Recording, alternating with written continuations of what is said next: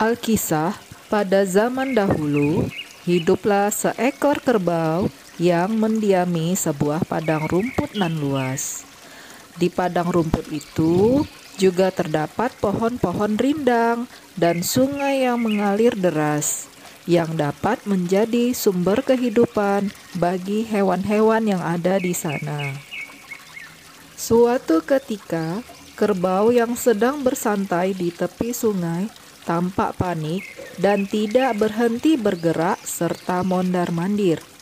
Ia berkali-kali mengibas-ngibaskan ekornya ke punggung, walau tak dapat menjangkau seluruhnya. Sesekali ia juga menggigit-gigit bagian tubuh yang bisa dijangkau. Rupanya, hewan berkaki empat itu merasa tak nyaman karena gatal di seluruh tubuhnya. Banyak kutu bersarang di sana, sedangkan ia tak bisa membunuh kutu-kutu itu dengan tangannya sendiri.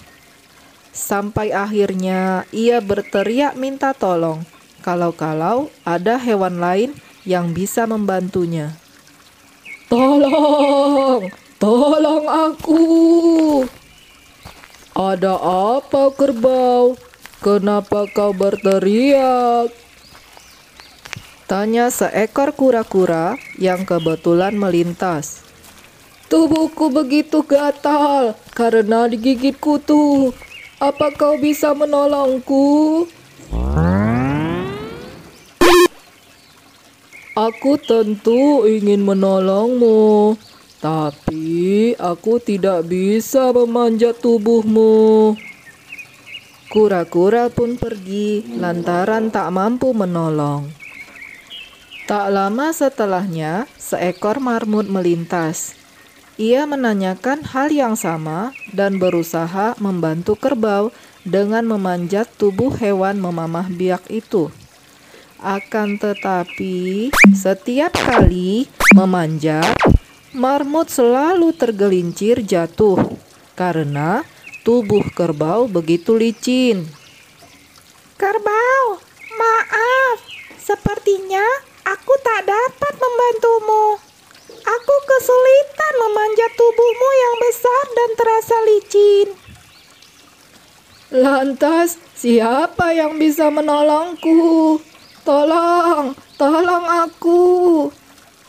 Di saat bersamaan, ada burung jalak yang tengah mencari makan di rerumputan dan sesekali terbang ke pepohonan.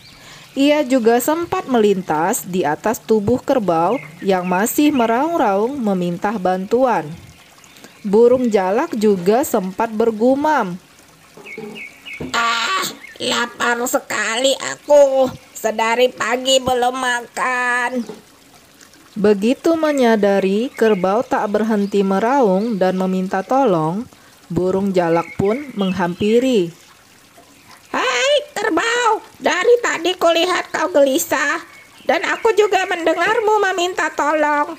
Apa yang terjadi? Tubuhku gatal karena banyak kutu bersarang. Apa kau bisa menolongku? Sepertinya aku bisa membantumu. Kebetulan aku sedang sangat lapar. Aku bisa memakan semua kutu yang ada di tubuhmu. Setelah mendapat izin, burung jalak langsung mendarat di punggung kerbau dan mematuk-matukkan paruhnya. Ia memburu kutu dan memakan mereka satu persatu. Hampir tak ada satupun kutu yang luput dari jangkauannya. Semua dibabat habis. Kerbau senang, akhirnya kutu-kutu di tubuhnya lenyap. Ia merasa nyaman karena gatal telah hilang dan bisa makan rumput dengan lahap tanpa ada menggigit-gigit tubuhnya dan mengibas-ngibaskan ekornya.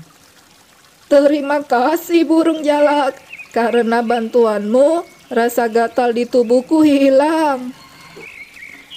Tak hanya kerbau yang merasa berhutang budi, burung jalak pun sama.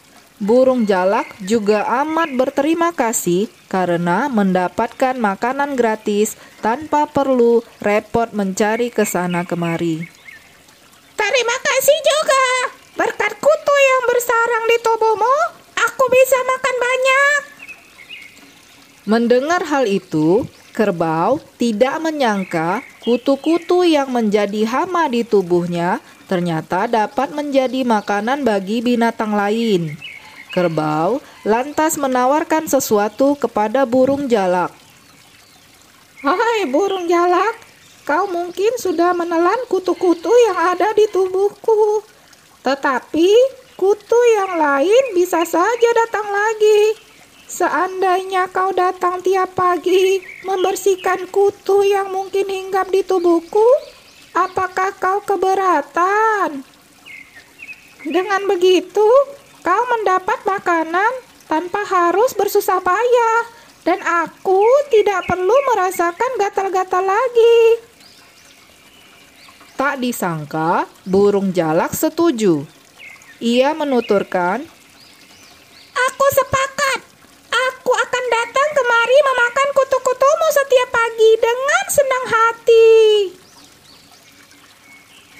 Sejak saat itu, kerbau tidak lagi berteriak minta tolong di pagi hari.